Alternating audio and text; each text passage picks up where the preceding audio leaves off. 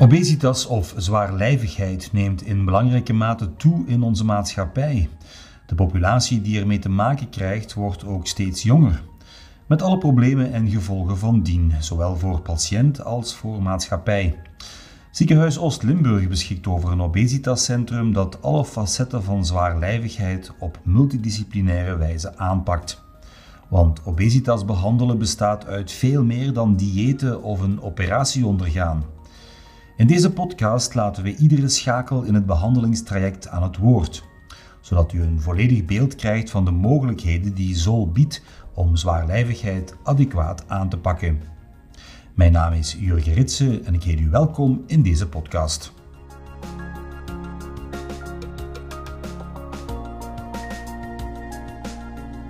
Ja, en intussen aangeschoven voor deze podcastreeks is uh, Raoul Groothausen, psycholoog in het Sol. En ook um, lid van het obesitas-team in het Sol. Welkom, ja, Raoul. Dank je, welkom. Dank je. Ja. Um, goed, ja, psycholoog, we weten dat intussen wel dat psychologen in zo'n traject, in zo'n uh, multidisciplinair team, ook betrokken zijn bij obesitas.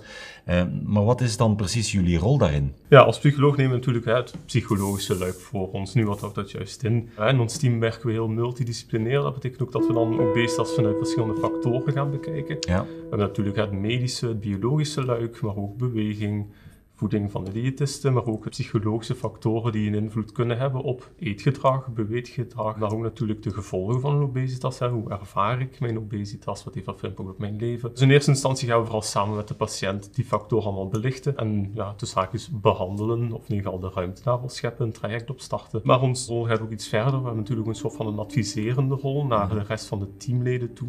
Ja. Uh, waarin dat we bijvoorbeeld factoren, psychologische factoren die een invloed kunnen hebben op motivatie of op bijvoorbeeld voedingsaanpassingen, beweegaanpassingen of, of bijvoorbeeld de artsenchirurgie rekening mee kunnen houden ja. uh, gedurende het traject. Ook daar hebben we een soort van adviserende of, of ondersteunende rol naar de teamleden toe ook. Ja, want, want obesitas, ja, dat zie je wel. Hè? Je ziet als iemand uh, overgewicht heeft, maar wat je niet ziet is wat er zich in het hoofd van zo iemand afspeelt.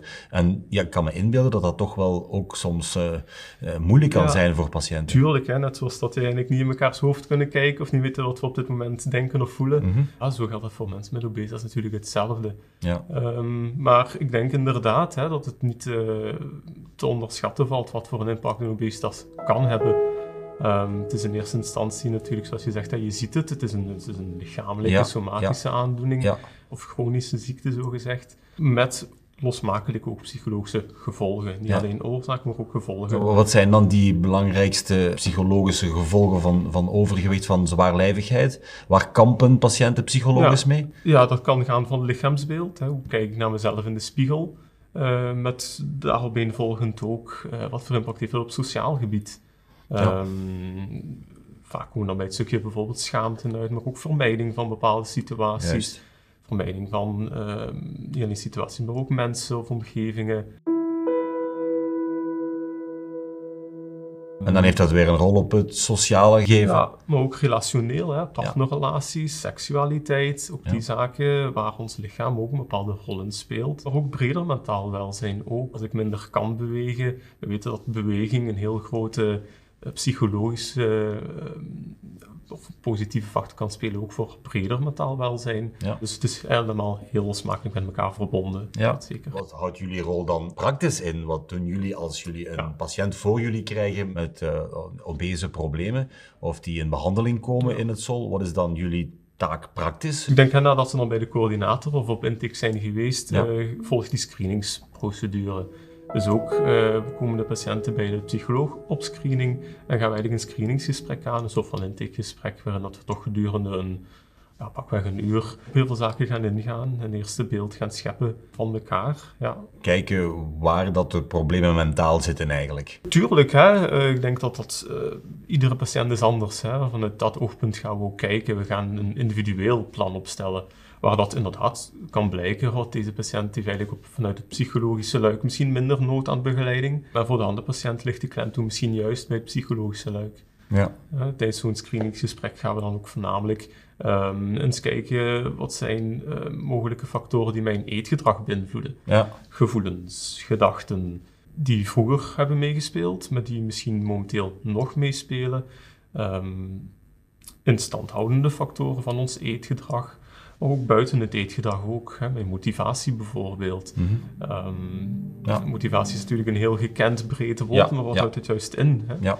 Uh, wat motiveert mij? Wat demotiveert mij? Juist. Ook voorgaande dieetpogingen. Wat hielp, wat hielp er niet? Hè? Wat mhm. zorgde ervoor dat ik gemotiveerd bleef of dat ik uiteindelijk stopte? Nu, we weten bij obesitas dat er twee soorten, grosso modo twee soorten van behandeling zijn.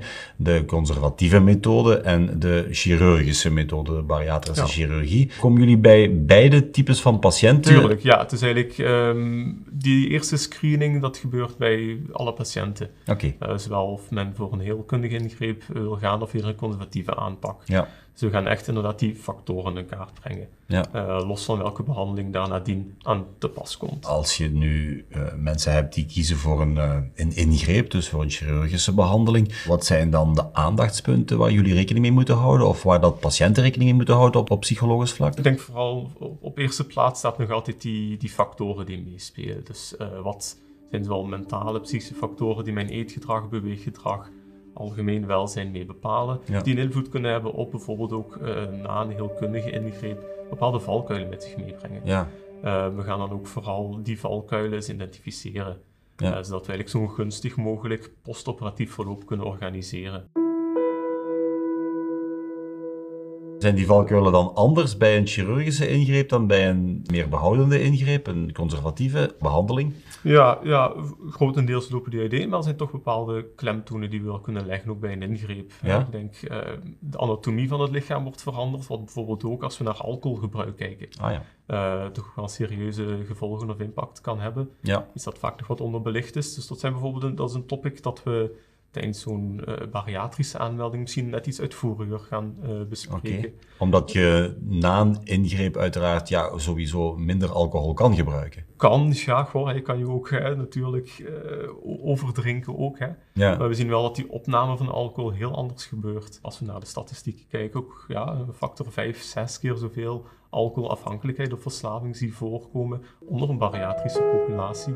Ja. Um, dus dat is wel een aandachtspunt maar ook breder. Hè. Een ingreep is heel effectief, maar het is, blijft, is en blijft nog altijd een hulpmiddel. Ja. Um, waardoor die gedrags- en, en levensstijlaanpassingen nog altijd ja, op eerste plaats staan. Ja, dus, dus, ja, dus eigenlijk uh, de chirurgische ingreep is maar een aanzet tot het gedrag wat erna volgt. Tuurlijk, hè, het is een, een, een duwtje in de rug en een heel effectief duwtje ja, in de rug. uiteraard. Maar natuurlijk is een, levens, uh, of een levensbepalende ingreep en iets dat we graag ook levenslang vasthouden. Ja. Dus oude gewoontes, oude gedachten of gevoelens of patronen die de kop terug, uh, terug kunnen opsteken na ja, één jaar, twee jaar, drie jaar, twintig jaar. Ja. Uh, dus daarom dat we ook na een operatie eigenlijk een levenslange opvolging wel ook aanbieden en ook al voorzien. Ook. Een levenslange opvolging zelfs?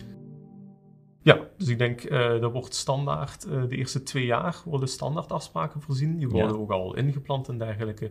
Maar inderdaad, een patiënt die bij ons tien jaar geleden is geopereerd, die opeens toch met een aantal vragen of, of moeilijkheden of, of aanpassingen uh, wat moeilijk verloopt. Of gewoon misschien nog eens een keer nood heeft aan een evaluatie of zo, die is altijd welkom. Ja. ja, Is er dan een verschil in aanpak tussen, uh, ja, bedoel dan bij iemand die geopereerd is, in de behandeling achteraf, na de operatie, is die anders dan de behandeling of de begeleiding die jullie bieden bij patiënten die met in een conservatief traject gestapt zijn? Dat kijken we natuurlijk een beetje op, op individuele basis. Hè. Wat is juist de vraag van de patiënt? Wat is zijn hulpvraag? Mhm. Is het echt gerelateerd aan een aanpassing die uh, door een ingreep is veroorzaakt? Of kunnen het ook algemene aanpassingen zijn die misschien iets minder gerelateerd zijn aan effectief een gastric bypass of een gastric sleeve of dergelijke. En waar focussen jullie dan op bij het conservatieve traject? Dan gaan we vooral echt focussen op die levensstijlaanpassing, die gedragsverandering, eh, ook op een, op lange termijnsvisie. Ja. Um, ik denk, de, de populatie die zich bij ons aanmeldt, heeft natuurlijk vaak al ja, vele dieetpogingen achter de rug. Ja. Vaak zijn die niet altijd heel verantwoord of heel mhm. effectief op lange termijn. Ja. Dus vooral dat dat we wel willen organiseren, waardoor we echt naar die fundamentele basis gaan. Vanuit mhm. psychologisch oogpunt betekent dat dan, uh, we gaan op zoek naar die triggers uh, van eetgedrag. Dat kunnen gevoelsmatige triggers zijn. Um, triggers van, ja, vanuit gedachten of patronen. Ja. Uh, zowel in onszelf, maar ook misschien heel wat externe factoren. Ja. Cultuur, gezinscontexten kan getriggerd worden vanuit een emotioneel eetgedrag, maar kan ook getriggerd worden vanuit een extern eetgedrag, hè, dat ik heel snel goesting bijvoorbeeld krijg. Ja, ja, en we gaan dan ook in zo'n conservatief traject onderscheid proberen maken. Wat is honger, wat is goesting, waar komt die goesting vandaan en ook hoe kan ik eraan weerstaan bijvoorbeeld. Ja, ja, ja. Ehm, motivatie blijft en is uh, een heel belangrijke factor op lange termijn natuurlijk.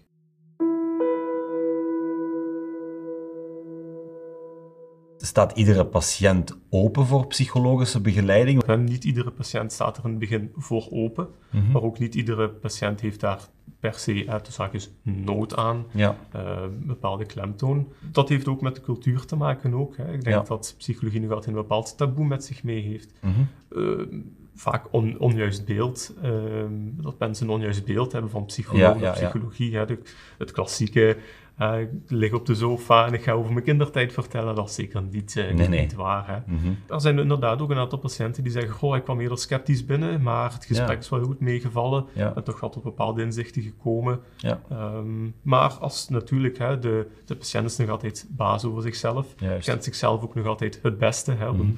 Een screeningsgesprek van een uurtje is dat zeker niet dat wij een patiënt doorgrond hebben of nee, eigenlijk nee, iets.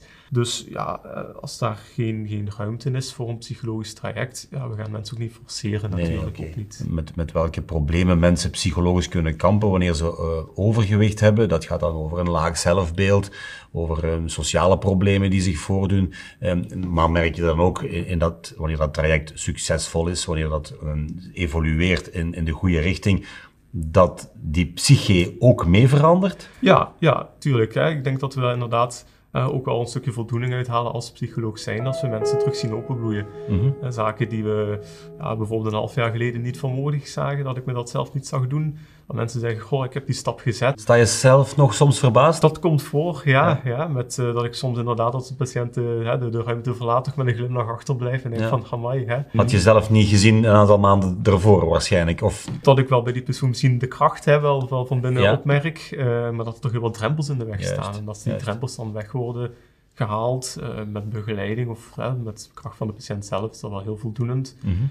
uh, maar dat wil niet zeggen dat het altijd rooskleurig is. Er zijn nee, ook nee. mensen inderdaad um, die misschien bepaalde verwachtingen hadden die niet, die niet uitkomen of die ja. niet waar worden. Mm -hmm. of bepaalde aanpassingen toch heel moeilijk verlopen. Het ja. lichaamsbeeld, zelfbeeld, wordt voor een deel verklaard door natuurlijk ons lichaam, mm -hmm. maar ook door heel veel andere factoren. Ja, door zo'n ingreep verandert ons lichaam, maar verandert niet natuurlijk heel onze psyche. Heb je dan ook tips voor mensen die je ze meegeeft naar huis wanneer ze uh, in dat traject zitten en wanneer ze eigenlijk ja, bijvoorbeeld na een ingreep thuis verder moeten werken aan, aan hun herstel, zeg maar? Hè? Ja. Heb je dan ook psychologische tips die je meegeeft aan mensen? Van kijk, ja zijn daar ook mee bezig uh, in je gedachten? Ja, dus uh, wat we relatief veel zien, is dat mensen vaak te snel afvallen voor hun hoofd. Ons, ons hoofd, ons lichaamsbeeld kan het vaak niet volgen. We zien de patiënten vaak op drie maanden na de ingreep al terug. Pakweg, ik ben 20, 25, 30 kilo afgevallen. Ja. Uh, ik merk het wel, maar als ik in de spiegel kijk, zie ik nog altijd de persoon van drie maanden ah, geleden. Oké, goed. Ja. Het heeft tijd nodig dan. Ja, eerst en vooral staat tijd. Hè. Eigenlijk ons lichaamsbeeld ziet dat redelijk robuust is, redelijk door de jaren gevormd is. Mm -hmm. Dat heeft langer dan drie maanden nodig Juist. om daar een significant verschil vaak in te zien.